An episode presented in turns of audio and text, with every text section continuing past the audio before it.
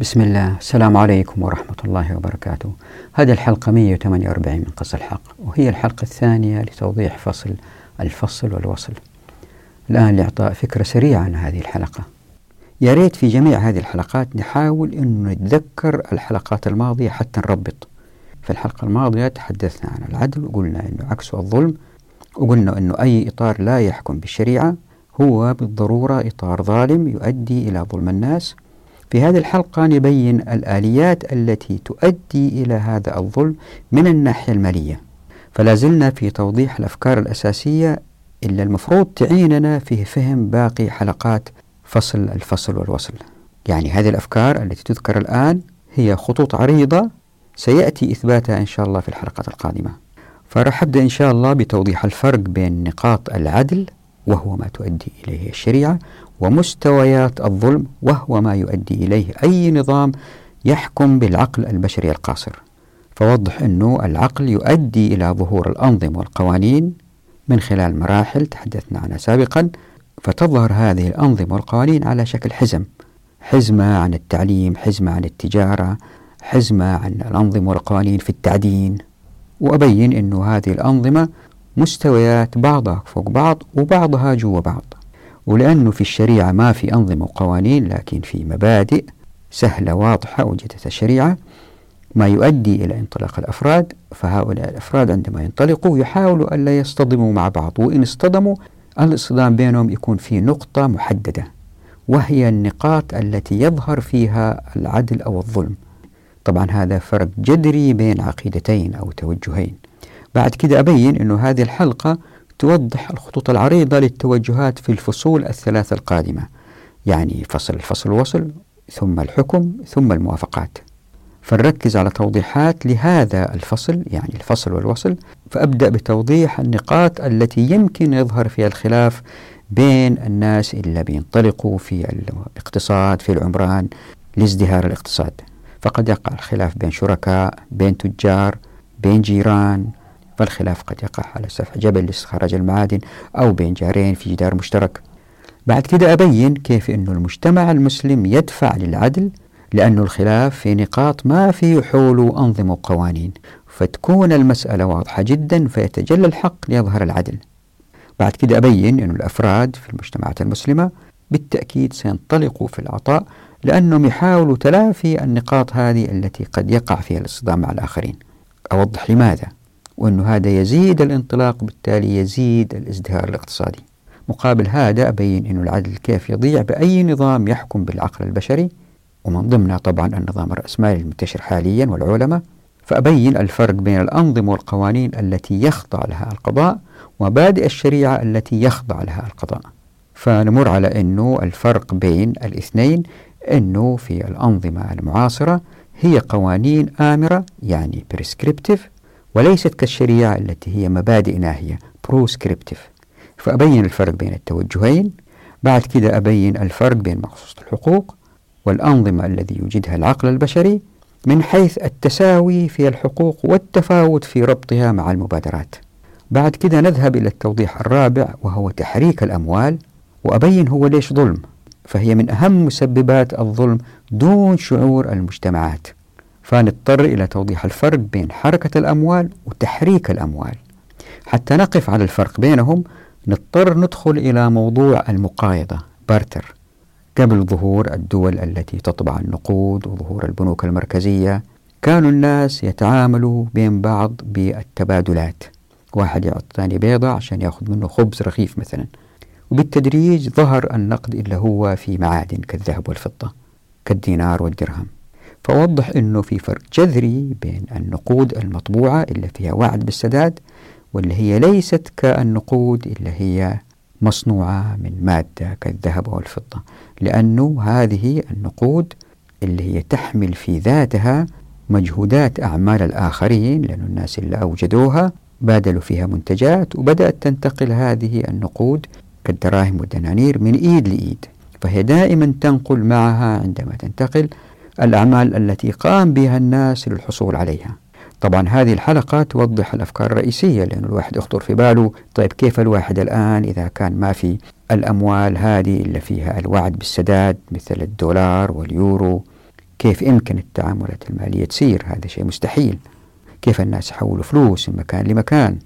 في هذه الحلقة لن نشرح هذه الحلول فقط نوضح الإشكاليات. إن شاء الله في حلقات قادمة نبين كيف أن الشريعة على طريق مختلف في التعامل مع هذه المسائل. بعد كده أبين أنه لتحول المجتمعات للنقود اللي فيها وعد بالسداد زي الدولار واليورو وهذه لا تتم إلا تحت مظلة السلطات. هذا التحول أدى إلى ثلاث مبادئ انقلبت رأسا على عقب. فأوضحها. صعب أوضحها هنا فلا بد من مشاهدة كامل الحلقة للوقوف على هذه التفاصيل. من البداية في كتاب قص الحق كنت أبين أنه في انحرافات أساسية أدت لظهور الظلم. مثل تملك الدولة للثروات مثل ظهور الأنظمة والقوانين التي تثبط المبادرات. في هذه الحلقة كمقدمة أعطي فكرة عن انحراف مهم جدا يؤدي للظلم ألا هو الانحراف المالي؟ فأبدأ بتوضيح الفرق بين الاستبداد والتبديد. فنتحدث أولا عن الاستبداد فأشرح السندات وأنها أداة لتحول السلطة لأن المال سلطة. فأبين أن السندات لها آفتين الأولى سحب المال الذي كان من الممكن أن يستثمر بطريقة أسرع إن كانت في أيدي الناس. الآفة الثانية هي أن أرباح السندات هي أموال تطبعها الدولة فيزيد بالتالي النقد مقارنة بالمنتجات وهذا يؤدي إلى التضخم. بعد كده أوضح الفرق بين الإيجاد للثروة والاختلاق للثروة.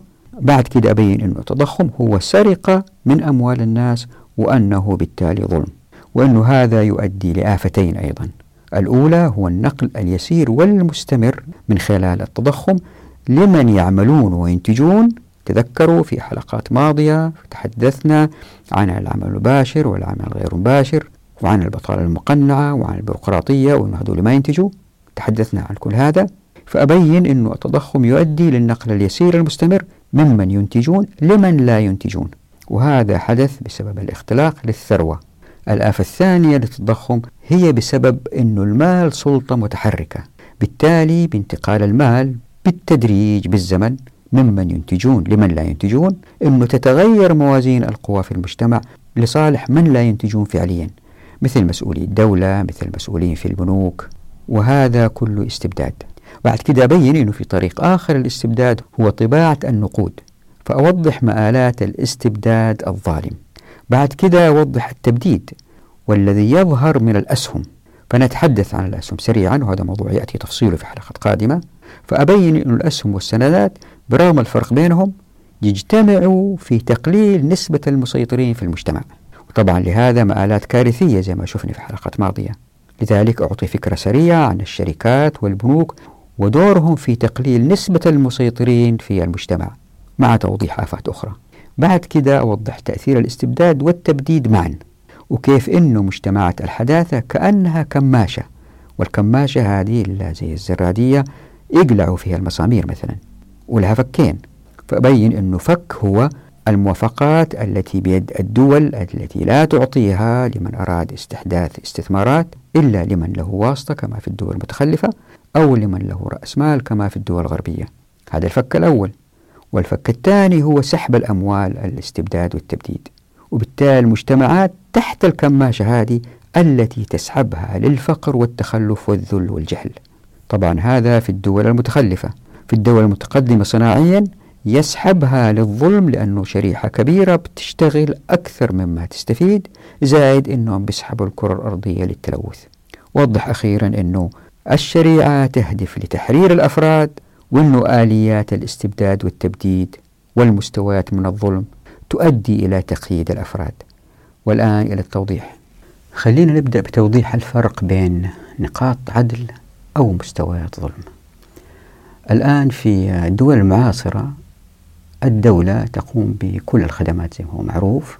معظمها حسب الدولة هي مقتربة جدا من الاشتراكية تزيد في الخدمات أو متجهة أكثر للتحرر المالي يعني يمينية أكثر متطرفة فتنفق أقل على الخدمات.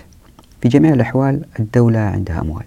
هذه الأموال تأخذها من الضرائب من الناس أو من وضع ضرائب عالية على اللي بيستخرجوا المعادن أو الدولة هي تستخرج المعادن زي النفط وتقول هذا لي أنا وتوزعه يعني في مال عام. الآن طريقة توزيع المال العام هذا يعتمد حسب الدولة نظامها هي ملكية هي جمهورية هي. بس في الغالب المنتشر في العالم كله أنه في حكومة تشتغل تحت مظلة الدساتير إلا الشعب وافق عليها. هذه الدساتير تنبثق منها أنظمة وقوانين وحتى تصدر هذه الأنظمة والقوانين هيلمة طويلة عريضة من ناس متخصصين يدرسوها ويضعوها ويختلفوا عليها ويتخانقوا عليها وبعدين بالتصويت يوافقوا عليها. كل شعب له طريقه. المهم اللي يصير إنه الأموال هذه اللي تجي الدولة تنفقها تنفق تحت مظلة هذه الأنظمة والقوانين. لذلك الأنظمة والقوانين مهمة جدا لأنها أنظمة فيها ردع للناس اللي يمكن يخالفوا كيف تعاقبهم ولأنها أنظمة كيف الدولة تنفق ولأنها أنظمة كيف الدولة تدير الحياة. مسألة ما لها آخر. لكن باختصار أنه هذه الأنظمة والقوانين عادة ما توضع في حزم. حزمة عن التجارة حزمة لأنظمة التعليم حزمة لأنظمة الصحة حزمة لأنظمة العمران. وتحت هذه الحزم في حزم أخرى أو داخلها حزم أخرى. مثلا داخل حزم استخراج المعادن من تحت الأرض والتعدين في حزم كيف يمكن الدولة تبيع أنظمة وقوانين كيف الدولة تبيع هذه المعادن.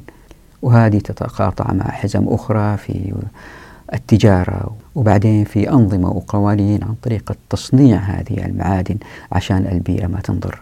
وهكذا من أنظمة وقوانين هي في مستويات مختلفة بعضها فوق بعض. حزم من الأنظمة والقوانين تسوي مستوى معين. والمستويات هذه بعضها فوق بعض وداخل المستوى حزم أخرى تتفرع منها. يعني الواحد يمكن يبسطها ويقول مجموعة أشجار جنب بعض وكلهم أغصانهم فوق داخلين في بعض. بينما في الشريعة الوضع مختلف. ليه؟ لأنه ما في أنظمة وقوانين في مبادئ سهلة زي ما راح نشوف إن شاء الله. اللي يصير أنه الناس ينطلقوا لأنه ما في أنظمة وقوانين وعندما ينطلقوا يمكن يختلفوا ويمكن يتصادموا. عندها يذهب القضاء وتحل المسألة في تلك النقطة. يعني نقطة يظهر فيها العدل أو الظلم لأنه ما في أنظمة وقوانين. هذا هو المقصود بنقاط عدل أم مستويات ظلم. الآن أضع عدة عبارات وأحاول إن شاء الله في الفصل هذا والفصلين القادمين أني أثبتهم. يعني هم محور الفصول الثلاثة هذه. الشريعة تحاول الوصول إلى العدل المطلق إذا كان الناس طبقوها وهذا يؤدي إلى العدالة في التوزيع والكفاءة في الإنتاج وهذا يؤدي إلى العيش للبشر بسعادة عالية باستهلاكية لمواد جيدة بمنتجات جيدة دون تلويث الكرة الأرضية. الآن حتى يتحقق هذا الهدف يجب ألا تكون أنظمة وقوانين من إنتاج العقل البشري القاصر هو الذي يدير المجتمعات. يجب أن يسيروا على الشريعة. زي ما شفنا في الفصلين اللي راحوا فصل ابن السبيل والشركة للناس الحرية في الانتقال لأنه الله سبحانه وتعالى خلق الموارد بكميات كبيرة في مناطق مختلفة وخلق أفراد كل واحد فذ في ذاته عنده مواهب معينة لكن بعضهم ما اكتشفوها. فبهذا التحرك للناس يقعوا على الأشياء اللي يحبوها فاستمتعوا بالإنتاج ولأنه ما في أنظمة وقوانين تقيدهم في الحركة في التصنيع في الإنتاج. إلا بيصير أنه يزداد الخير ويتقارب الناس الناس في الدخل ومعظم الأسواق تتشبع بالضروريات أكثر من الكماليات والحاجيات. يعني الضروريات أكثر ثم الحاجيات ثم الكماليات اللي تصير ضروريات إن أحتاج المجتمع وتخرج من السوق. وبكذا يزداد الإنتاج ورخاء من غير تلويث الكرة الأرضية. هذه الأشياء اللي حاول أثبتها إن شاء الله. ولأنه ما في أنظمة وقوانين والناس بينطلقوا وبينتجوا في احتمال أنهم يتصادموا. ليه؟ لأنه الناس عندهم مطامع. مش كل الناس رغم أن الكرة الأرضية واسعة والناس يقدروا يروحوا في مناطق فيها خيرات وما يروحوا المناطق فيها خيرات ويزاحموا الآخرين مع ذلك في احتمال كبير أنه تقع صدامات بين الأفراد اللي هم بينطلقوا عشان ينتجوا عشان يسكنوا. هذه الخلافات أو التصادمات قد تقع بين قبيلتين مثلا على طرف نهار تقع بين شركتين بتستخرج معادن من سفح جبل كل شركة تقول أنا جيت قبل. قد تقع بين تاجرين في السوق كل واحد حاز موضع في السوق لأنه زي ما قلنا في حلقات ماضية في كل مدينة في سوق لا يضرب عليه خراج واللي يجي أول هو اللي يأخذ يأخذ المكان قصدي وبالتالي المسألة كلها مبنية على المبادرة ففي احتمال يقع خلاف بينهم في احتمال يقع خلاف بين تاجرين كبار في التعامل مع المصانع من أخذ أكثر من باع بسعر أقل من رفع السعر. هذا بالإضافة إلى أنه في صدامات تقع داخل الشركة أو داخل الأسرة. مثلا واحد وزوجه وزوجته يختلفوا على التوكيل مثلا الشركاء داخل الشركة بينهم يختلفوا على طريقة العمل وتوزيع العمل. يعني تحدث صدامات عندها هذه الصدامات تتحل بالقضاء لأنهم يذهبوا للقضاء إذا لم يصلوا إلى علاج. فلا يعني أنه ما في أنظمة وقوانين أنه الأمور مفلوتة. لا. في نقاط يضطر الناس إن اختلفوا الذهاب بعدها إلى القضاء. وزي ما هو معروف إذا الناس وصلوا القضاء في مراحل معينة القاضي يمشي عليها حتى يدفع المختلفين إلى الصلح لأنه والصلح خير. يعني اللي يميز النمو الاقتصادي في المجتمع هو الانطلاق للأفراد. عندها إذا اصطدموا والقاضي حكم هنا الحكم يكون واضح للجميع هل هو ظلم أو لا ليش؟ لأنه زي ما قلت المجتمع المسلم يدفع العدل كيف يدفع العدل؟ عندما يحكم القاضي في النظم المعاصرة لأنه في أنظمة وقوانين متداخلة متشابكة وفي محامين يصعب رؤية الظلم بوضوح ولن يظهر الحق بوضوح ليه؟ لأنه في آراء مختلفة كثيرة ولأنه في الحكم يظهر تحت مظلة أنظمة وقوانين. طبعا إذا في اعتداء قتل يعني هذه هذه معروفة. لكن أتكلم أنا عن الخلافات بين الشركات في الحقوق في الامتيازات في الحقوق الملكية الفكرية في مسائل مثل مثل هذه يحتار فيها المحامين لأنها متداخلة جدا. لكن مع الشريعة لأنه ما في أنظمة وقوانين في نقطة محددة بيتناقشوا عليها بالنظر إلى الظروف المحيطة تظهر النقطة بوضوح هل هي فيها ظلم لألف أو باء؟ يعني من على الحق زيد أو عبيد تظهر بسرعة. ليه؟ لأنه ما في أنظمة وقوانين في مبادئ سهلة واضحة راح نوضحها إن شاء الله. فالكل يرى الحق بوضوح. اللي ساعد على كده أنه القاضي لا يمكن أنه يميل. ليه؟ لأنه مع فتح أبواب التمكين في الموارد والموافقات والمعرفة اللي بيصير إيش؟ أنه الناس معظمهم متمكنين ومتقاربين في الدخل لن يظهر أفراد مستبدين متنفذين. الآن إحنا دائما نفكر في الوضع المعاصر إلا في أفراد عندهم أموال طائلة أخذوها بطريقة غير شرعية متنفذين أو مسؤولين في الدولة. هؤلاء يؤثروا في حكم القاضي والقاضي يميل شمال أو يمين. لكن إذا طبقنا الشريعة والناس كانوا متقاربين في الدخل. هذا لا يعني ما في أثرياء في أثرياء لكن ليسوا طبقة تؤثر في السلطة. ولأن الناس متقاربين في الدخل ولأن الناس أخلاقهم سامية زي ما وضحت في حلقات ماضية ونحاول نثبتها إن شاء الله أنه الطبيق الشريعة مطبقة والناس ما هم فقراء ولهم الانطلاق في الأرض. عندها لأن الناس قيمهم سامية لن يرضوا بالظلم إن ظهر. وبالتالي ما في قاضي يفكر يظلم فدائما الحق يظهر بوضوح. يعني مسيرة المجتمع الاقتصادية لذلك كتبت على الشاشة هذه عبارة مهمة مربوطة فقط بالفصل بمبادئ الشريعة بين المختلفين في نقاط الخلاف. لهذا ولأنه لا وجود لأنظمة ولا قوانين يعني ما في قيود تقيد الناس عندما ينطلقوا فإن الكل سيكون أكثر مبادرة وإبداع لا سيما أن موارد الكرة الأرضية أكثر من كافية. وهذا يعني الانطلاق للجميع لأن الفرد أو الشركاء أو الجماعة أو القبيلة المبادرة لا توقفها إلا الصدامات مع الأطراف الأخرى. وبكده اللي بيصير لأنه الناس يريدوا أن يبادروا وينطلقوا ويستمتعوا في حياتهم وينتجوا يتلافوا أصلا الصدام مع الآخرين. لأن الكرة الأرضية كبيرة والأماكن كثيرة والمواد كثيرة. فينطلقوا ويتلافوا الصدام لأنه الصدام راح يتعبهم. ويظهر عرف بين الناس أنه بدال ما نخش في مشاكل مع واحد جاء أحيا الأرض هذه واحتجرها هو ناوي يحييها وضع شوية أغراض وراح نستني سنتين ثلاثة يحيي ما يحيي إذا ما أحيا نروح نشتكي للقاضي. بدل ما نستني هذا نروح ناخذ أرض ثانية ونمشي في حياتنا. يجوا مجموعة شركاء يستخرجوا معدن مكان معين. الكرة الأرضية كبيرة والمعادن بكميات كبيرة في مساحات كبيرة. ليش نحط نقرنا من نقرهم ونبغى هذه المنطقة بالذات؟ لأنه الناس عقولهم تكبر. الآن مع الفقر والجهل الناس عقولهم صغرت. وبالتالي تضمحل نقاط الخلاف الممكنة وينطلق المجتمع في الإنتاج وتزداد المنتجات وتزداد الكفاءة في الإنتاج ويزداد العدل بين الناس. وفي النقيض في النظم الديمقراطية إلا نسجت الحقوق من العقل البشري القاصر لأنه ما في إنسان يقدر يتحرك إلا بقيود لازم يفك هذه القيود باتباع الأنظمة والقوانين.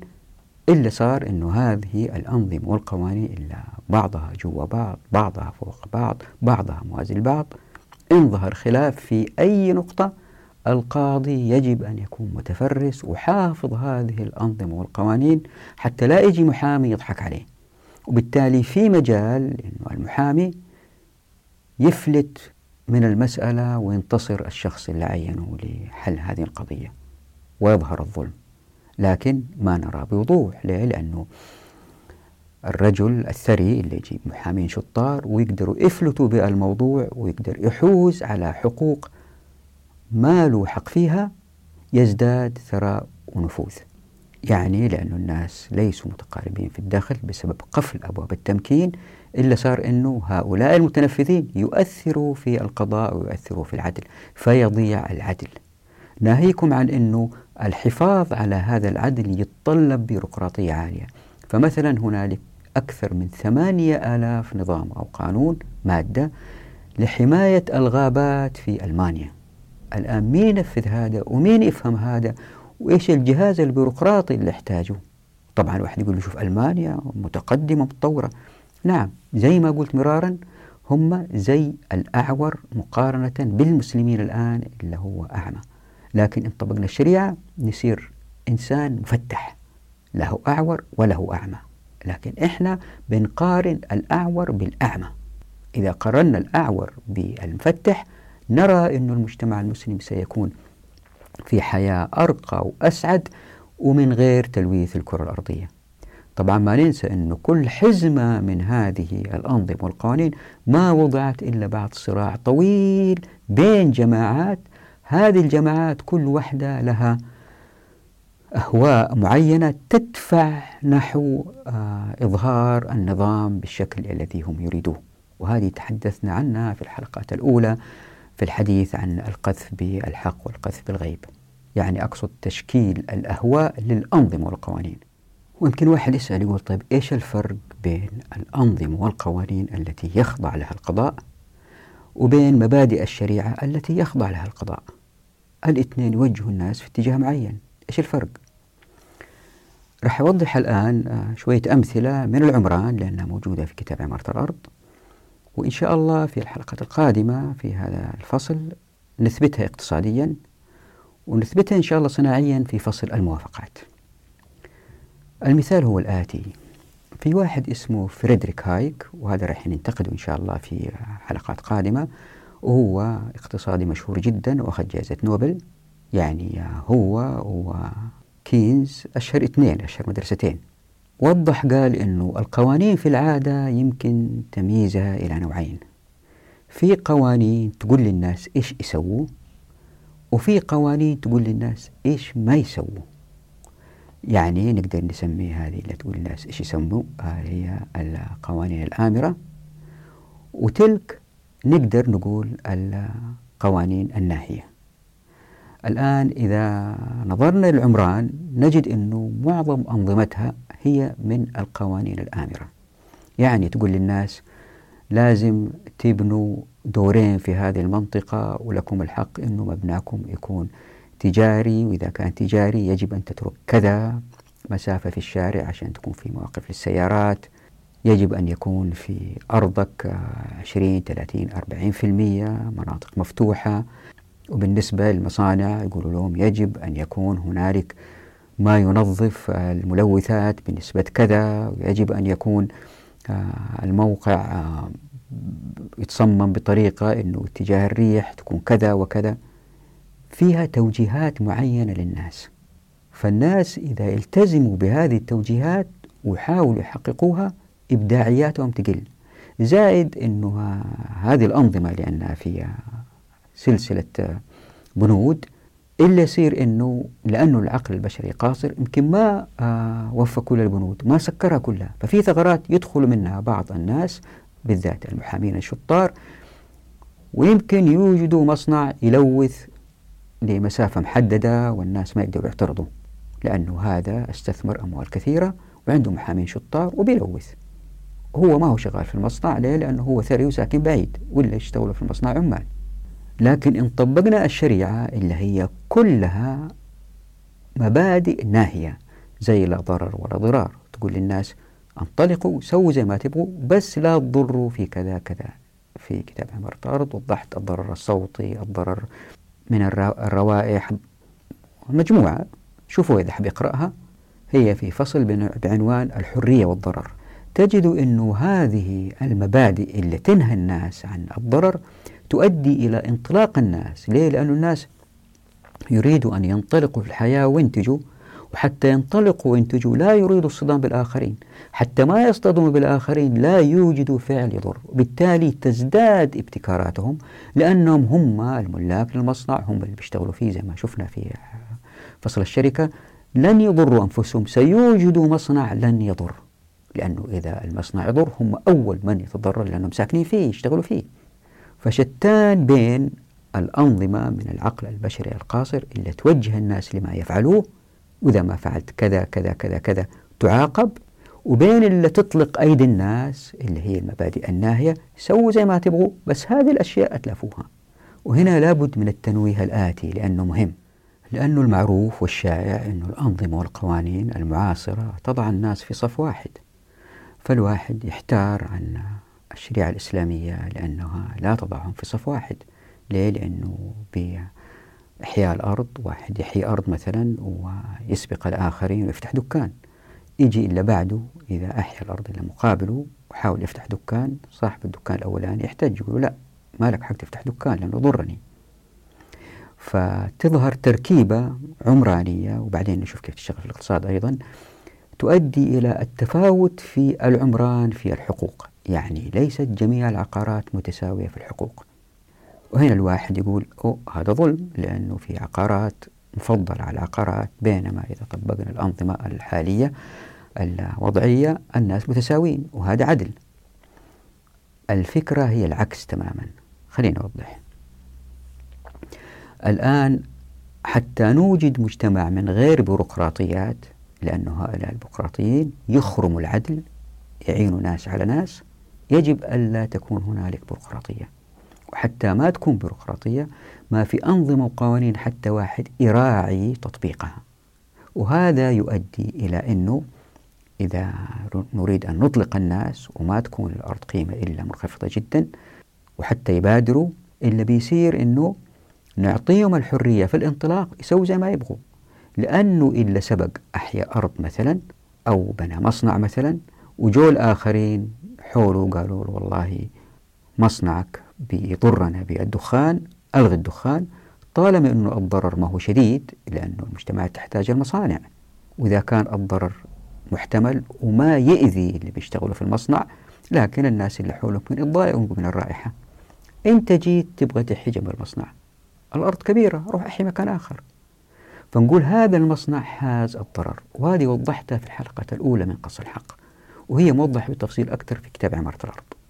يعني عشان نوجد مجتمع من غير بيروقراطيات ومن غير أنظمة وقوانين نحتاج فكرة حيازة الضرر حتى تكون هي إلا تمسك العقارات بين بعض حتى لا تظهر الفوضى. يعني حيازة الضرر ترتب الحقوق في المجتمع بين العقارات المختلفة وما أقول بين الأفراد المختلفين لأنه صاحب العقار هذا يبيع عقاره يروح. الحقوق ما تروح معه تبقى مع هذا العقار. فنلاحظ أن العقارات بعضها يسبق الآخر لكن هذا السباق وهذا التفاضل ليس كبير. ليه؟ لأنه زي ما وضحت في عمارة الأرض اللي بيصير لأنه الناس متقاربين في الدخل إمكانياتهم متقاربة وأنهم يعرفوا بعض ويخجلوا من بعض. إلا يصير أنه إذا واحد أبتكر فكرة جديدة في معالجة المياه مثلا ونجحت الكل يقلدها ولما يقلدها تصير عرف. والشريعة أوجدت حركيات ثانية كثيرة ما أقدر أشرحها الآن تؤدي إلى ظهور هذه الأعراف. الناس لما ينقلوا من بعض لأنهم معجبين الابتكار اللي يريحهم هذه الابتكارات تتجمع وتصير أعراف. لذلك عندما ننظر للبيئة الإسلامية نلحظ أنها قبل الحضارة المعاصرة نلحظ أن المباني متشابهة جدا. فبرغم الحرية لهم في التصرف هم طوعا يتحركوا تحت هذه الأعراف. فالحرية اللي أوجدتها الشريعة من غير إضرارات معينة أدت إلى ظهور هذه الأعراف وهذه الأعراف الكل يسير عليها. يعني التفاوت بسيط جدا بين المباني قصدي من حيث حقوق. وليس مثل الأنظمة الحالية نجد عمارة خمسين دور وتطل على الناس اللي تحتهم دور دورين بالنواطير ويشوفوا كل شيء في بيوت الناس. هذه أمثلة عمرانية وبنفس الفكرة نجد إن شاء الله أمثلة مالية في هذا الفصل. وأعطيكم مثال سريع. يمكن واحد يقول والله هذا سبق الآخرين بأنه حصل على مواد في منطقة معينة ولأنه رجل متمكن قدر يستخرجها وصار ثري. ونفس هذه الأرض يجوا آخرين أيضا أثرياء متمكنين استخرجوا منها معادن. فاللي يصير مع الزمن الناس يتقاربوا في الدخل والثروات تنتقل من إيد لإيد. فلا يعني أنه في مبادئ ناهية كما أتت الشريعة أنه يؤدي إلى التفاوت الكبير للناس في الدخل والاختلافات في العقارات. هذه عندها حقوق أكثر من الأخرى. تذكروا أن الناس لما يتصرفوا حتى يبنوا هم في إطار طاقة معينة. لأنه إحنا بنفكر الآن في إطار رأسمالي أنه في ناس أثرياء جدا يقدر يبني يعني شخص يقدر يبني قصر كبير ويسخر الآلاف للعمل له في هذا القصر حتى ينشوه أقصد يعني مش خدم. هذا لن يقع مع تطبيق الشريعة لأن أبواب التمكين مفتوحة في الموارد والموافقات والمعرفة. يعني من أهم مسببات الاستعباد التسخير والمؤدي الفساد هي الأنظمة والقوانين. وعشان أثبت هذه المسألة لابد أنه ندرس مسألتين هما المال والسلطة. المال رايحين إن شاء الله ندرسه في هذا الفصل فصل الفصل والوصل والسلطة ندرس إن شاء الله في فصل الحكم والفصل الذي يريه اللي هو الموافقات. واللي يركز على تسلط الدولة على الموارد وعلى الأذونات والتصاريح وما إلى ذلك حتى يسيطروا على مبادرة الناس في التصنيع بالذات. أو إنشاء طرق إنشاء سكك حديد أو اللي يكون. الآن خلينا نبدأ في هذا الفصل نتكلم عن الظلم الناتج من تحريك الأموال اللي هو ظلم أكبر. التوضيح الرابع هو تحريك الأموال. لاحظوا أنه في فرق بين الحركة والتحريك. فالتحريك هو بفعل قوة خارجية عمن أو عما يتحرك. أما الحركة فهي في الغالب الحركة بإرادة المتحرك نفسه. فزي ما لاحظت في الحلقة الماضية في ابن السبيل أن الإسلام يؤدي للحركة لكل من الناس والمنتجات ويؤدي أيضا لحركة الأموال زي ما راح نثبت إن شاء الله في هذا الفصل. وبكذا تتحرك المعرفة وهذه إن شاء الله يأتي بيانها في فصل المعرفة. وفي كل هذه الحركة خير كبير للبشرية.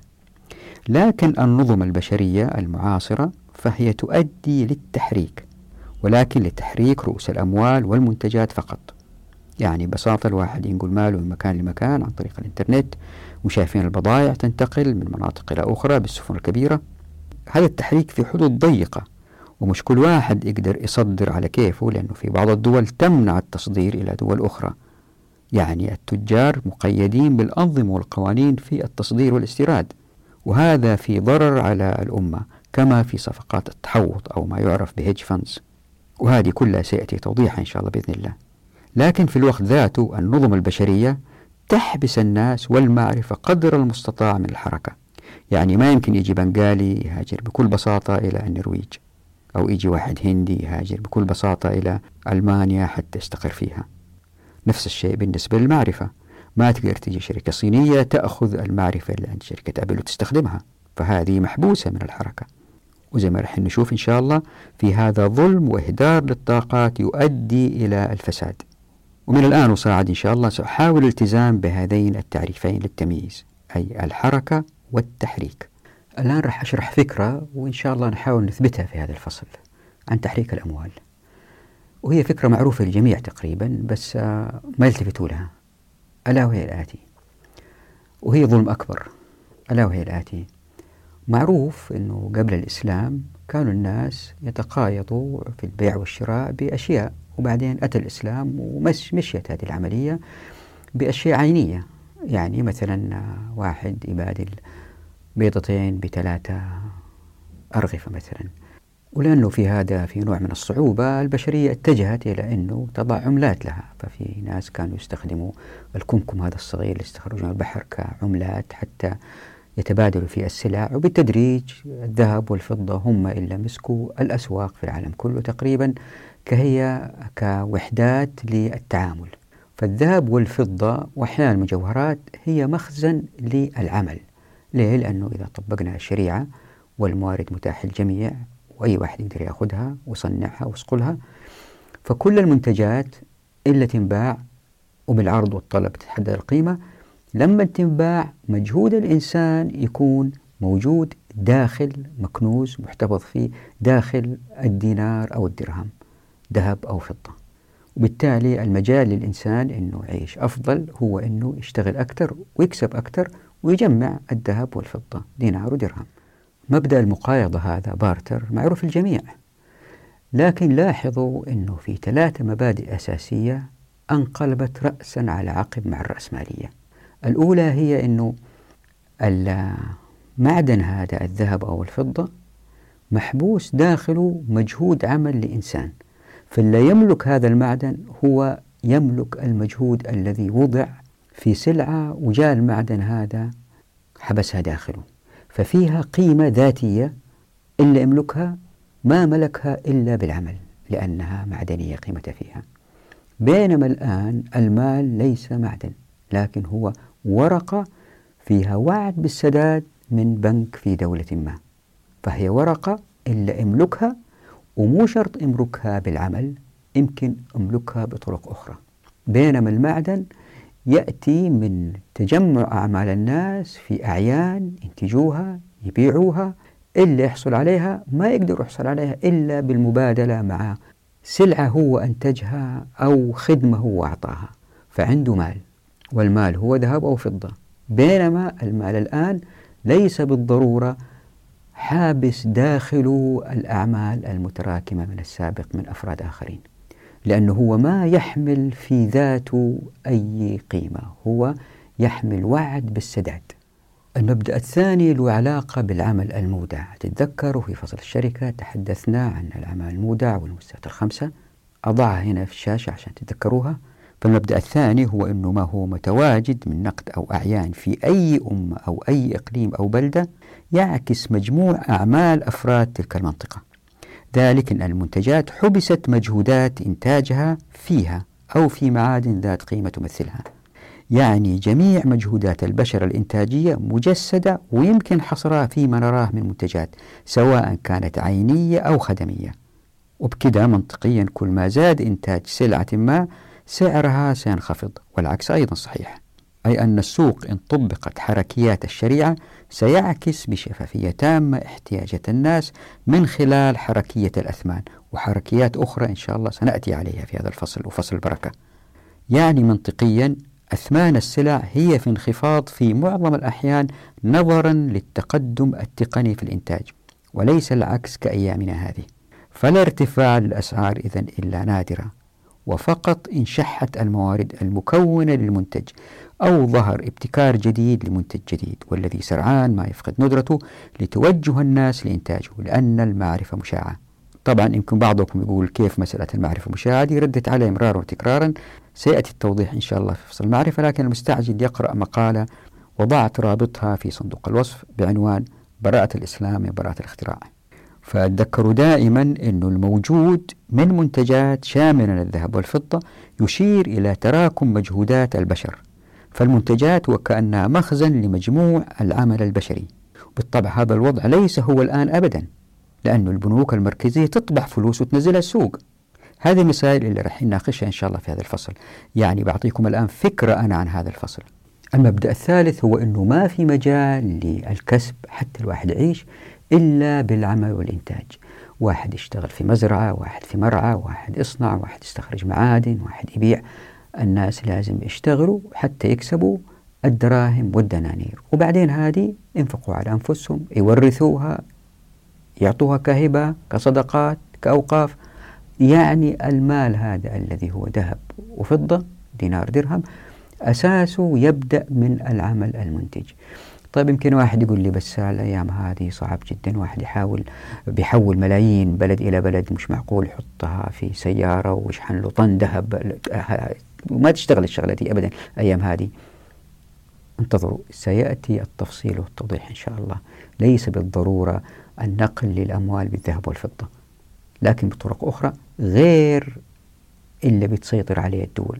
سيأتي التوضيح إن شاء الله بإذن الله هذا موضوع. من هذه المبادئ الثلاثة نستنتج أنه الناس كل ما اشتغلوا أكثر كل ما زادت أملاكهم أكثر وليس كالأيام هذه إلا الناس مش بالضرورة يشتغلوا ينتجوا وتزيد أموالهم ليه؟ لأنه في مضاربات في الأسهم في استغلال للعقارات اللي بيأجروها للآخرين هم ما ينتجوا لأنه الأراضي منع إحيائها في المناصب للمتنفذين اللي هم يأخذوا أموال يشتغلوا في الدولة مرتبات عالية وهم ما ينتجوا أبدا غير الهم والغم. فما في وسيلة للربح إلا من العمل. بالتالي اللي بيصير أنه الناس مطمئنين ما يخسروا شيء. ليه؟ لأنه عملهم مودع في شيء ذهب أو فضة. زائد الأشياء اللي موجودة عندهم في بيوتهم في مزارعهم في هذه أيضا كلها تعتبر من الثروة اللي عندهم. ولأنه البشرية تتقدم في المعرفة والتصنيع ولأنه التصنيع يصير أسهل ننتج أشياء أكثر بعمر أقل ولأنه موارد الكرة الأرضية لن تنتهي لأنها من الله سبحانه وتعالى المعطي الواهب الوهاب الرازق الرزاق الكريم الجواد الغني المغني المحسن. بالتالي لن يظهر الفقر في الكرة الأرضية إن البشر كلهم طبقوا الإسلام لكن نتكلم عن الأمة المسلمة لن يظهر فيها الفقر أبدا. ليه؟ لأنه مع التصنيع والكل اشتغل وما في بيروقراطيات. يعني ناس يأخذوا أموال ويعيشوا من غير ما يشتغلوا. يزداد الإنتاج أكثر وأكثر وبالتالي لن يظهر الفقر أبدا. هذه المعادلة السهلة التي تربط بين زيادة الإنتاج والرخاء ببذل المجهود تغيرت مع العقل البشري القاصر. كيف؟ من خلال انحرافات. الانحراف الأول والمهم في انحرافات أيضا متعددة لكن الأهم هو كان اللي وضحناه في الحلقة الماضية عن حيازة الدولة للمعادن والأراضي. كل الموارد الدول مسكتها وقالت ما حد يقدر يأخذها إلا بإذن من الدولة وضعت لها أنظمة وقوانين. فكان التلاعب بالأنظمة والقوانين هذه وظهروا الأفراد اللي هم ما ينتجوا فعليا ويعيشوا ويأكلوا ويشربوا ويستمتعوا ويترفهوا من غير ما ينتجوا أي شيء للبشرية.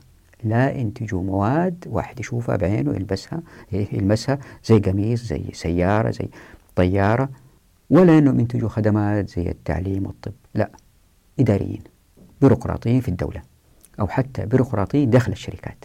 بالإضافة إلى كده في انحرافين. الانحراف الثاني يأتي توضيحه إن شاء الله في فصل الموافقات ألا وهو أنه الدول استحوذت على الأذونات بإعطاء التصاريح للي يبغى يسوي مصنع أو محل أو بقالة. أي إنسان يريد فتح أي نشاط اقتصادي لن يستطيع فعل ذلك إلا بأخذ الموافقات من الدولة. وهذه فيها تعطيل كبير للانطلاق الأفراد. معظم الناس اللي هم بسطاء ما يعرفوا يسووا أوراق وإجراءات ولا حتى عندهم رأس مال بسيط حتى يفتحوا كشك صغير. فيبدأوا بشكل بسيط صغير وشوي شوي بالخبرة بالتدريج يكونوا حالهم. لا هذول يبقوا فقراء كما هم لأنه ما عندهم تصريح يأهلهم للعمل وتشوفوا الفيديوهات دائما يشتكوا مساكين أنه والله الدولة شالت لي مكان أنا كنت أبيع فيه شاي أو قهوة طيب كيف أعيش؟ والأمر أيضا ذاته ينطبق على المصانع الكبيرة. مرة شفت مسؤول بيقول أنه أخذوا سبع سنين في معاملات داخل الدولة حتى يوجدوا مصنع. في أحد الدول العربية. في دول ثانية وهذا محظوظ أعطوا له تصريح في دول ثانية ما يمكن يحصل يحصل الواحد على تصريح إلا المتنفذين إلا حول الحاكم. وفي العالم الغربي في أنظمة وقوانين كثيرة تصعب مسألة استحداث هذه المنشآت الصناعية. وإن استحدثت ما بفكر بالكلام ثاني وثالث ستضر البيئة لأنه يمكن الأنظمة والقوانين هذه تخترق. وفي محامين شطار يدافعوا عنها بينما إذا كان القرار في أيدي السكان اللي في الموقع يوقفوا هذا المصنع. وهذا ما تفعله الشريعة بوضع القرارات في أيدي السكان. هذه المسألة التصاريح يأتي توضيحها إن شاء الله في فصل الموافقات. الانحراف اللي راح نناقشه في هذا الفصل هو الانحراف المالي بسبب الأنظمة والقوانين المالية وهذه ممكن نقسمها إلى جزئين والاستبداد المالي والتبديد المالي. إيش الفرق بينهم؟ أحيانا نسمع في الأخبار أن الدولة الفلانية أصدرت سندات بكذا مئة مليون أو كذا بليون دولار. وهذا الإصدار مؤشر جيد على الاستبداد. كيف؟ خلينا نوضح. وزي ما أنتم شايفين هنا في الشاشة وضعت تحت الحرف حاء توضيح لمعنى السندات. فاللي ما عنده خبرة بالسندات يا ريت يوقف الشاشة ويقرأ هذه وأنا أستمر في الشرح. أتذكروا في الحلقات الأولى وهذا شيء معروف قلنا أنه المال سلطان. فاللي يملك المال تزداد سلطاته. فعندما تقرر الدولة إنشاء مشروع ضخم مثل محطات سكك حديد أو بناء مطار ضخم تحتاج الأموال. عندها في هذه الحالة في مجال للمسؤولين أنهم يعبثوا بهذه الأموال فيزداد الفساد. لأن الإنفاق قد لا يكون أحيانا فيما هو ضروري قد يكون فيما هو ترفيه في مقار إقاماتهم ونفقاتهم وسفرياتهم واحتفالاتهم وتضخم مرتباتهم وما شابه. وأحيانا أخرى مسؤولي الدولة يقذفوا بالغيب من مكان بعيد باتخاذ قرارات قد لا تكون صائبة في مردودها المالي مثل إنشاء الملاعب الدورة الأولمبية زي ما حدث في اليونان وبعدين أفلست بعد إنشاء هذه المباني. وفي سلطان دولة خليجية قرر إنشاء دار باذخة للأوبرا طبعا بأموال الدولة والدولة ما عندها موارد نفطية كثيرة. عندها في هذه الحالات نفقات الدولة ستزداد فيظهر العجز المالي في الموازنة العامة. وبكده تحتاج الدولة للمزيد من المال. عندها قد تصدر الدولة السندات المالية زي ما هو معروف في معظم دول العالم الغربي. يعني حتى أمريكا تصدر سندات. وهذه السندات هي صكوك بالوعد بالسداد لكامل المبلغ في أجل لاحق مع دفع الفوائد المستحقة على هذه السندات عندما يحين موعد إطفائها. إطفائها يعني إتمام سدادها. يعني تأتي دولة تقول سأصدر سندات الواحد قيمته مثلا عشر ألاف دولار. يحين سداده بعد عشر سنين. مع فائدة سنوية كذا. بعد كذا تنزل هذه السندات لأسواق المال ويتاجروا فيها الناس فيما بينهم. ليش الناس يتاجروا فيما بينهم؟ لأنه في طبقة من الناس عندهم مال فائض وما هم عارفين كيف يستثمروه لأن حصولهم على المال هذا لم يكن أحيانا بطريقة شرعية زي ما قلنا في بيروقراطية في تلاعب في الأنظمة والقوانين. فما عندهم خبرة في الاستثمار وحتى إذا كان بيستثمروا في مخاطر يمكن يخسروا بينما السندات رغم أنه مردودها المالي ليس مرتفع فهو مضمون. فيبدأ الناس يتاجروا بهذه السندات. يعني كأن الدولة اقترضت من الناس وبكده الدولة سحبت أموال الناس ولكن ليس مقابل أي مقايضة تجارية. يعني ما أخذت أموالهم وأعطتهم أعيان بل فقط المقابل بالوعد بالسداد في المستقبل. يعني الدولة أخذت من الموجودات اللي أنتجوها الناس دون أن تعطيهم البديل إنتاجيا إلا الوعد بالسداد. يعني المقايضة ليست أجهزة مقابل قمصان أو أجهزة مقابل قطع ذهبية أو نقدية زي ما كان في السابق قبل ظهور الدولة الحديثة. بل أوراق بها وعد بالسداد مستقبلا مقابل سحب السيولة من أيدي الناس. تذكروا أنه في طبقة معينة من الناس عندهم سيولة مالية لأنه في بيروقراطية وفي تلاعب. هذول فين يودوا الأموال؟ يبغوها تزيد. فيمكن يشتروا السندات. يمكن قلت يمكن لأنه الناس اتجهوا اتجاهات مختلفة في الاستثمار. واللي راح أوضحه أنه هذه السندات لها آفتين. الأولى هي أن الدولة سحبت من المجتمع الاقتصادي البذرات التي كان من المفترض بها أن تؤدي من خلال الشراكات للمزيد من العمل والإنتاج لزيادة المستهلكات يعني لزيادة الرخاء. وبهذا السحب انخفض الإنتاج واضمحل الآفة الثانية هو أنه تسديد قيم وأرباح هذه السندات قد زادت الأموال في المجتمع الاقتصادي بعد إصدار هذه السندات دون مقابل إنتاجي إلا الاقتراض من الأجيال القادمة بطبع المزيد من السندات.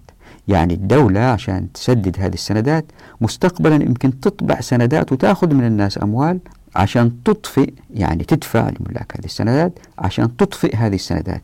وبكده تزداد السيولة في المجتمع دون مقابل إنتاجي. هنا في توضيح بسيط يا ريت تلتفتوا له إنه هو في كلمتين راح أكرر استخدامهم في باقي هذا الفصل. وهما الإيجاد للثروة والاختلاق للثروة. كيف؟ كان بالإمكان القول إنه خلق الثروة للتعبير عمن عمل وأوجد منتجا يتقايض به الناس. كان بالإمكان إني أقول زيد خلق ألف دينار. ليه؟ لأنه أشتغل وجد وخرج ذهب مثلا أو أوجد ابتكار جديد وباعه للناس وكسب هذا المبلغ فهو أوجد مال من عدم يعني خلقه. لكن لأن الخلق لا يستطيع فعله إلا الله سبحانه وتعالى تلافيت استخدام كلمة خلق كما يفعل بعض الباحثين. لذلك سأستخدم كلمة إيجاد أو أي كلمة أخرى للتعبير عن القيام بمجهود بدني أو فكري لاستحداث المنتجات والخدمات. فأتلافى كلمة خلق.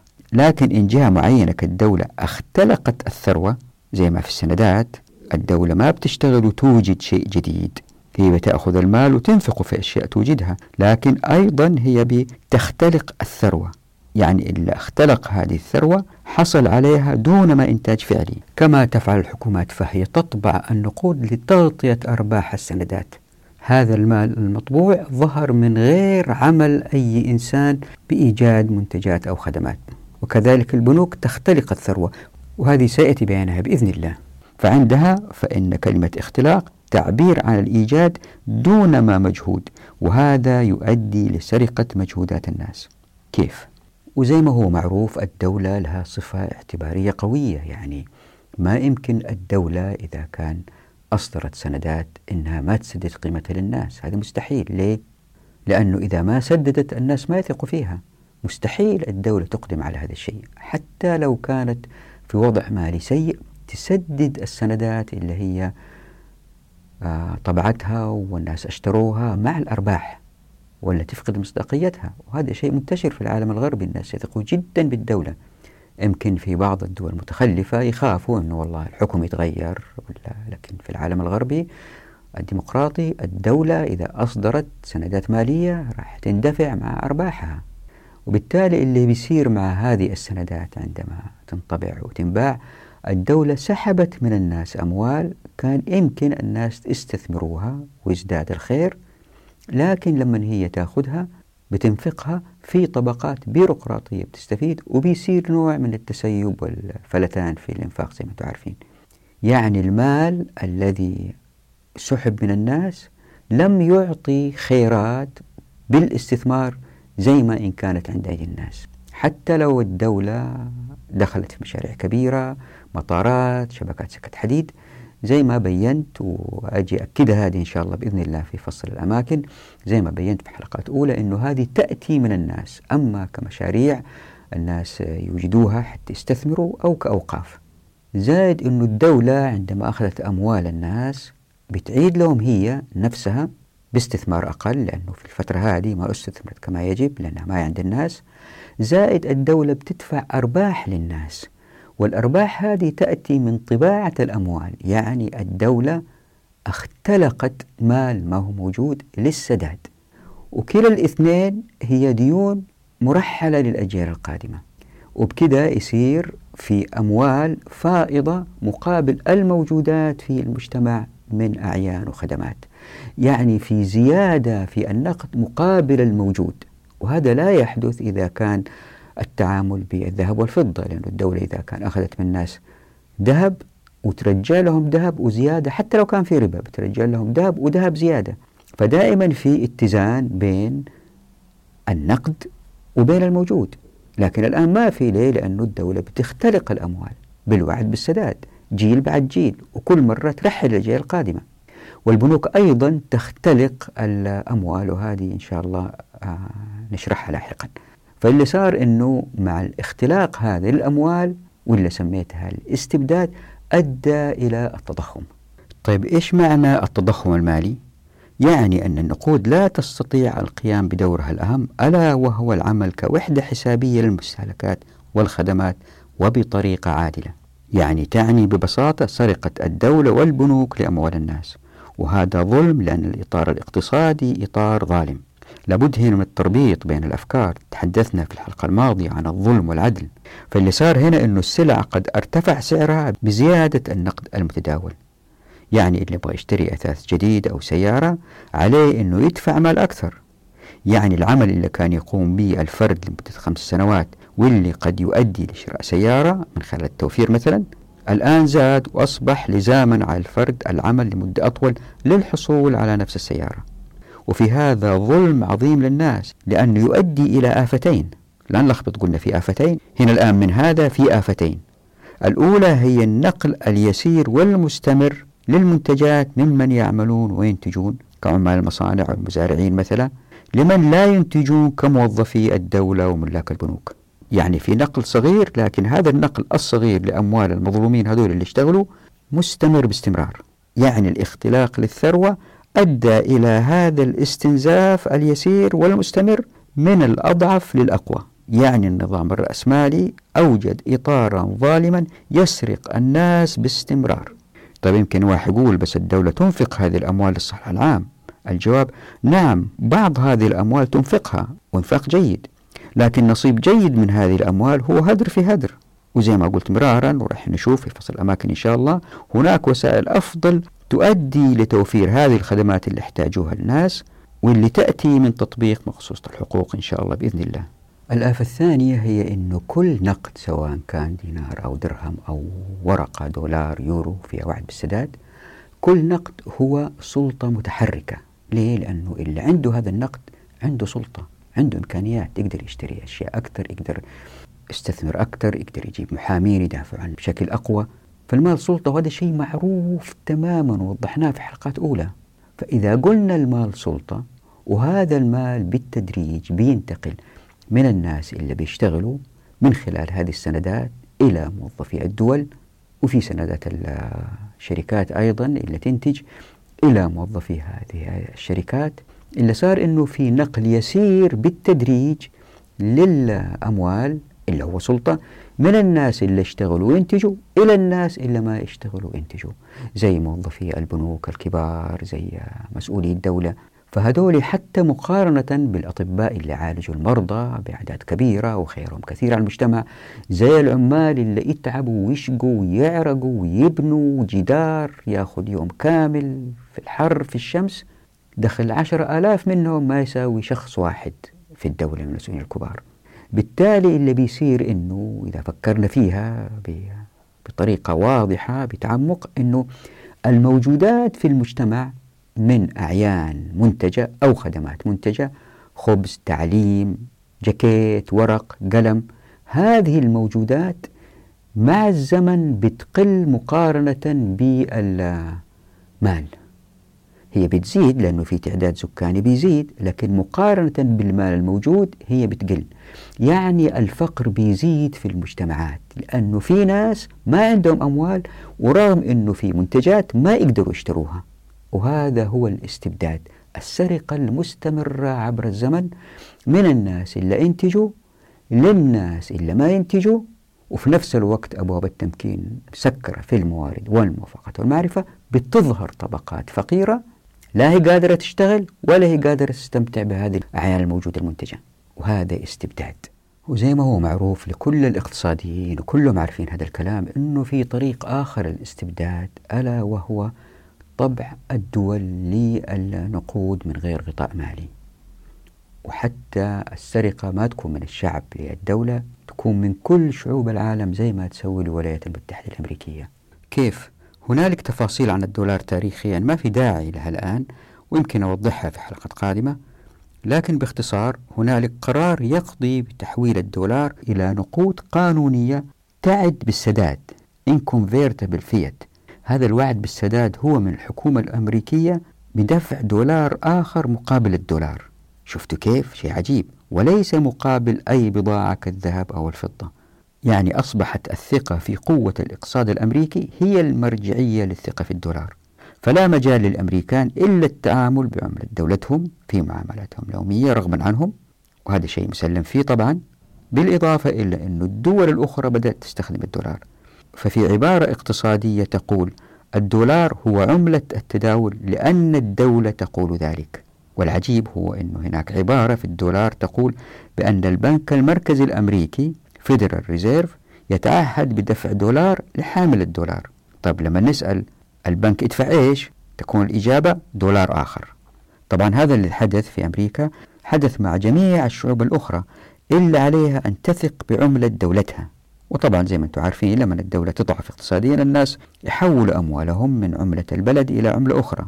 وإذا الدولة قفلت على نفسها من الخارج يصير في سوق سوداء ويصير في تعاملات مالية من تحت الطاولة وأنتم عارفين هذه كلها إن شاء الله سيأتي توضيحها. وبكذا كل عملة ورقية تطبعها الدولة أو البنك المركزي دون غطاء من الذهب هو سرقة لأموال الناس لأن النقد فيه زيادة دون مقابل إنتاجي فيزداد التضخم يعني في اختلاق للثروة. يعني أن الاستبداد باختصار هو سرقة الدولة والبنوك المركزية والبنوك التجارية للناس ليظهر الفقر.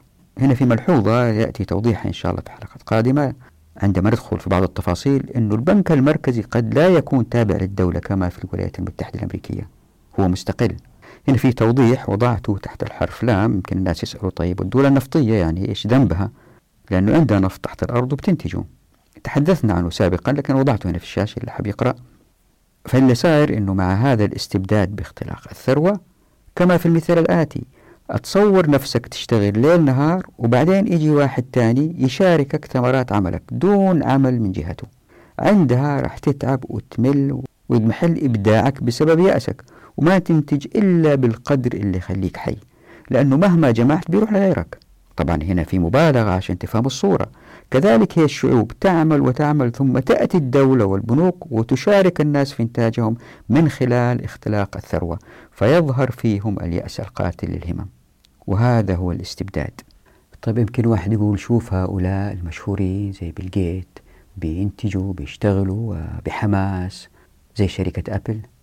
أقول نعم هذه استثناءات وهؤلاء أتت ظروف محددة ساعدتهم لأنهم وضعوا لأنهم وقعوا على ابتكار مهم جدا زي أبل واحتكرت المعرفة وتربح ربح كبير ومهما يؤخذ منها من ضرائب هي لا تزال في وضع مالي جدا جيد. لذلك هم بيشتغلوا وينتجوا. لكن عموم الناس اللي هم متضررين بالتضخم وضعهم المالي جدا صعب. فيأتيهم اليأس لأنه قد ما يشتغلوا قد ما يروح من عندهم. يمكن واحد يقول لي بس الضرائب ما هي مفروضة على الفقراء. نعم هي ما هي مفروضة عليهم. أنا ما قصدي أنه بيأخذ منهم ضرائب. أنا قصدي التضخم بيسلبهم المجهود اللي هم بيشتغلوا فيه. فبدال ما يشتغل واحد ألف ساعة حتى يشتري مثلا دراجة نارية. لولده لازم يشتغل 1500 ساعة.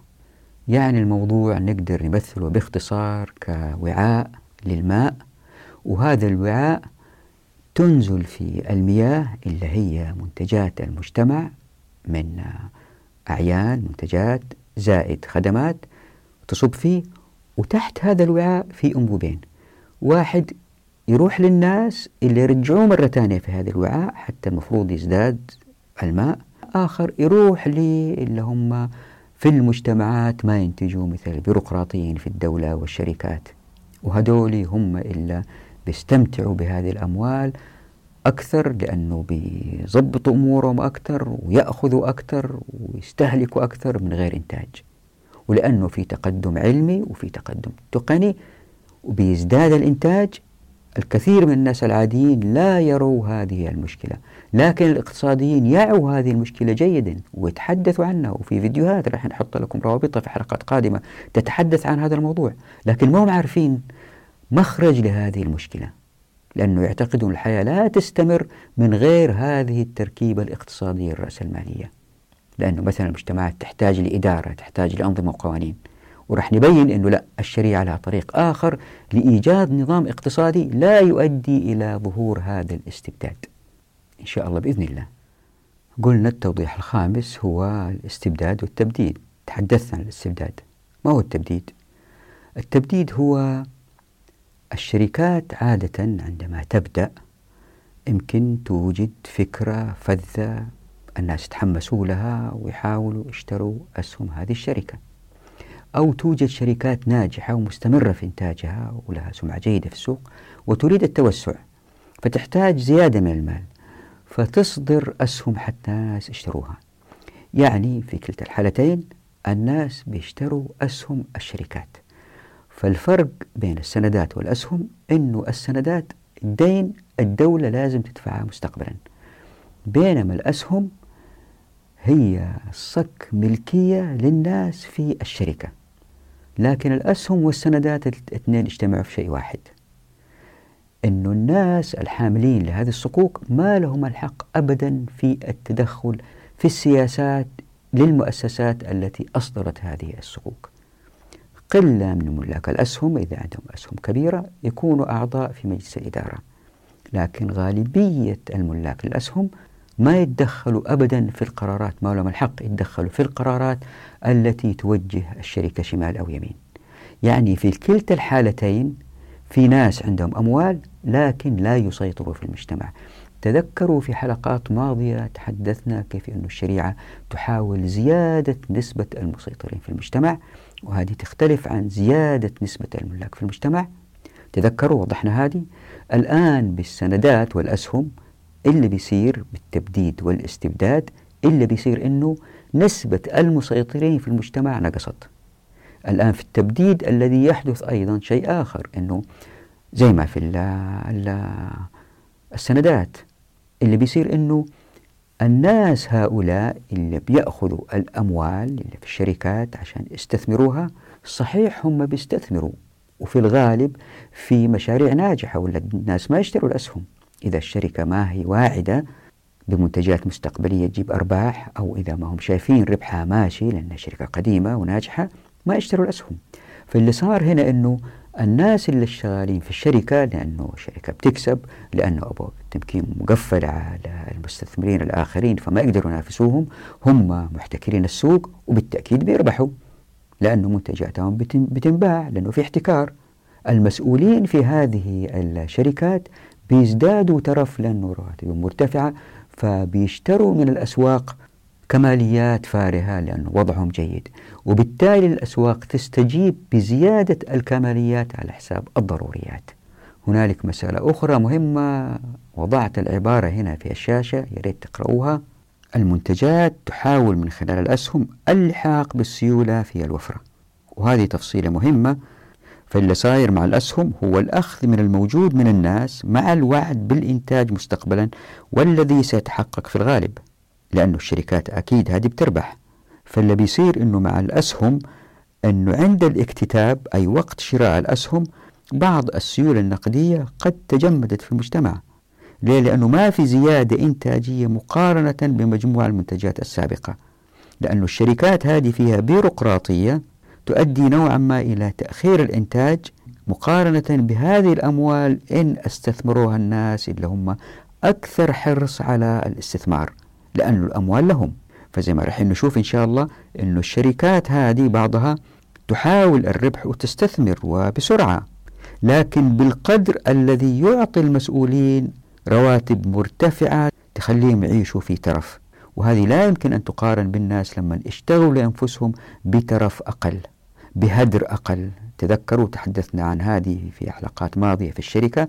قلنا الناس لما يشتغلوا لأنفسهم في أموالهم تتغير سلوكياتهم. تذكروا أن قلنا المهندس ما يطلب كل سنة كمبيوتر جديد. لا يحاول يعيش بالكمبيوتر اللي عنده لأنه الربح له فيقل الهدر. وبكذا بقلة الإنتاج مقارنة بالأموال اللي بتزيد يظهر الفقر أكثر وأكثر. ويمكن واحد يقول بس جميل أنت نسيت البنوك يعني هي تختلق الثروة. لا ما نسيتها هذه لها تفصيل خاص ويأتي وقتها هي وجه الشيطان لأنها تختلق الثروة بطريقة شرسة وبكميات كبيرة من خلال الإقراض والاقتراض تحتاج هذه وحدة نتحدث فيها. لكن عموما آه، اللي يصير إنه مع هذه البنوك التي تتآزر كلها عشان ما في بنك يفلس ويدعموا بعض لأنه إذا بنك فلس والآخرين يتأثروا كلهم يسقطوا. لا قلوبهم على بعض ما شاء الله عليهم قلوبهم على بعض. يساعدوا بعض يآزروا بعض عشان يسرقوا المجتمع باستمرار. هم لا يوجدوا منتجات عينية أو خدمات غير أنهم يختلقوا الثروة ويستمروا في الحياة بالبذخ والترف. بالإضافة إلى كذا مصدر فساد آخر للمجتمعات أنه حتى البنوك هذه ما تخسر في مدققين لحساباتها في أجهزة ومعدات تراقب الموظفين. كل هذه تؤدي إلى إيجاد طبقات جديدة في المجتمع لتوفير خدمات من أصل ما يحتاجها المجتمع مثل مدققي حسابات البنوك مثل الكاميرات اللي تصور كل الموظفين مثل الكاميرات اللي تصور المخازن. يكفي الواحد يفكر في البنوك كيف هي فخمة في مبانيها في مكاتب مسؤوليها حتى يطبع الانبهار في أذهان الناس أنه هذا بنك قوي جدا. شوفوا كيف مبنى فخم وثري إذا هو مبنى قوي إذا هو بنك قوي ماليا نضع أموالنا فيه. فهؤلاء ما ينتجوا أبدا شيء إلا تقليل نسبة المسيطرين في المجتمع.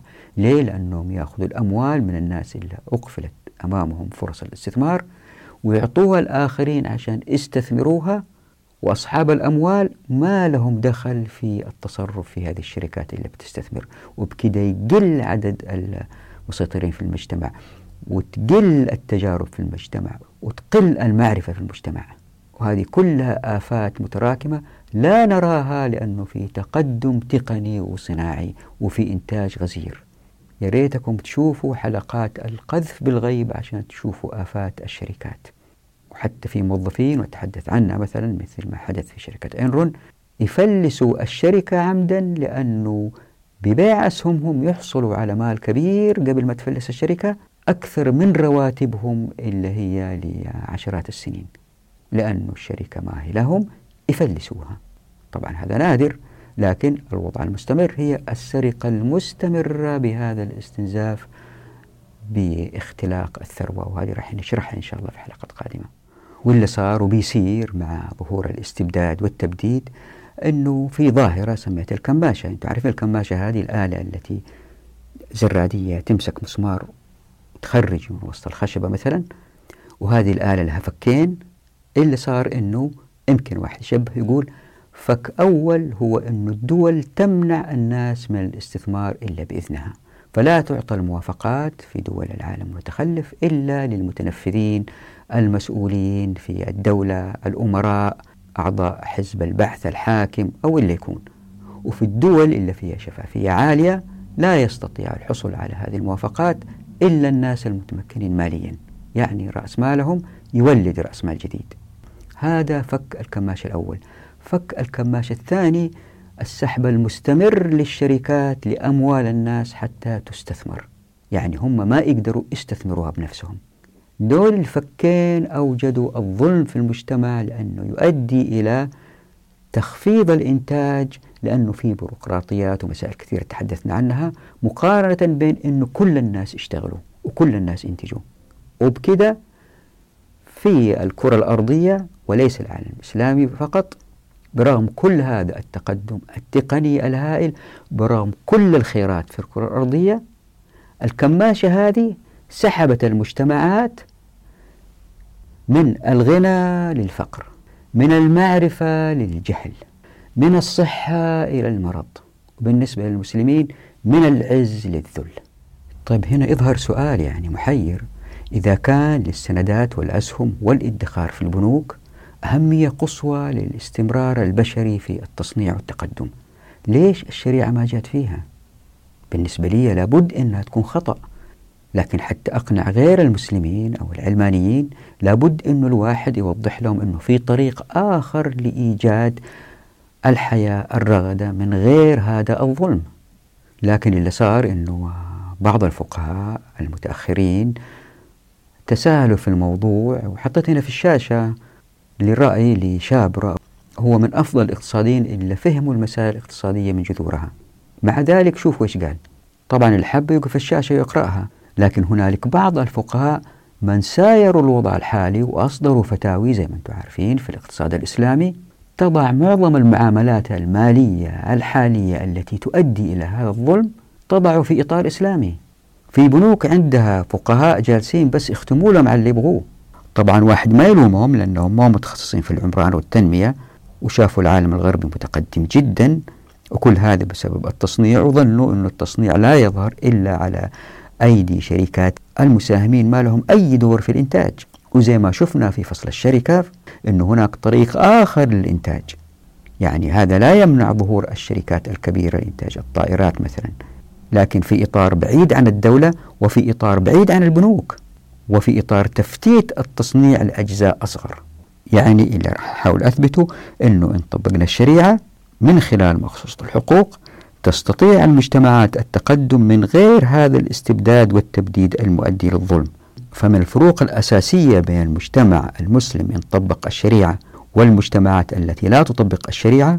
هي في تحرر الأفراد في مقدرتهم على اتخاذ القرارات في زيادة عدد المسيطرين. شوفوا الآية هذه إيش تقول؟ أعوذ بالله من الشيطان الرجيم. ضرب الله مثلا عبدا مملوكا لا يقدر على شيء ومن رزقناه منا رزقا حسنا فهو ينفق منه سرا وجهرا. هل يستوون؟ الحمد لله بل أكثرهم لا يعلمون. أنا ما بستدل بالآية هذه على الشركات والأسهم وجوازها لا. أنا بأبين أن الشريعة تؤدي إلى أفراد أعزاء أحرار وليسوا كالوضع الحالي هم ليسوا مستعبدين. بصكوك لكن هم مستعبدين في إطار النظام الرأسمالي هذا وهم ما يشعروا أنهم مستعبدين. ليه؟ أما ممنوعين من الإنتاج لأنه أبواب التمكين مقفل أمامهم في الموارد والموافقات والمعرفة أو أنه المال اللي عندهم أعطوه الآخرين يشغلوه وهم ما يتخذوا أي قرار. وصفة مثلى للاستعباد والذل. يعني كأننا عبيد مملوكين لا نقدر على شيء. وبالتأكيد بعضكم ما يوافق على هذا الكلام اللي قلته. دوري الآن أن أثبت هذا الكلام اللي قلته وإن شاء الله سأفعل ذلك في الحلقة القادمة. نتحدث عن مسائل مهمة في الاقتصاد مثل الربا مثل تحريك الأموال وحركة الأموال مثل البنوك ومثل توجهات أهم المفكرين هاي كينز مثل الحديث في العولمة. نراكم على خير في أمان الله ودعواتكم.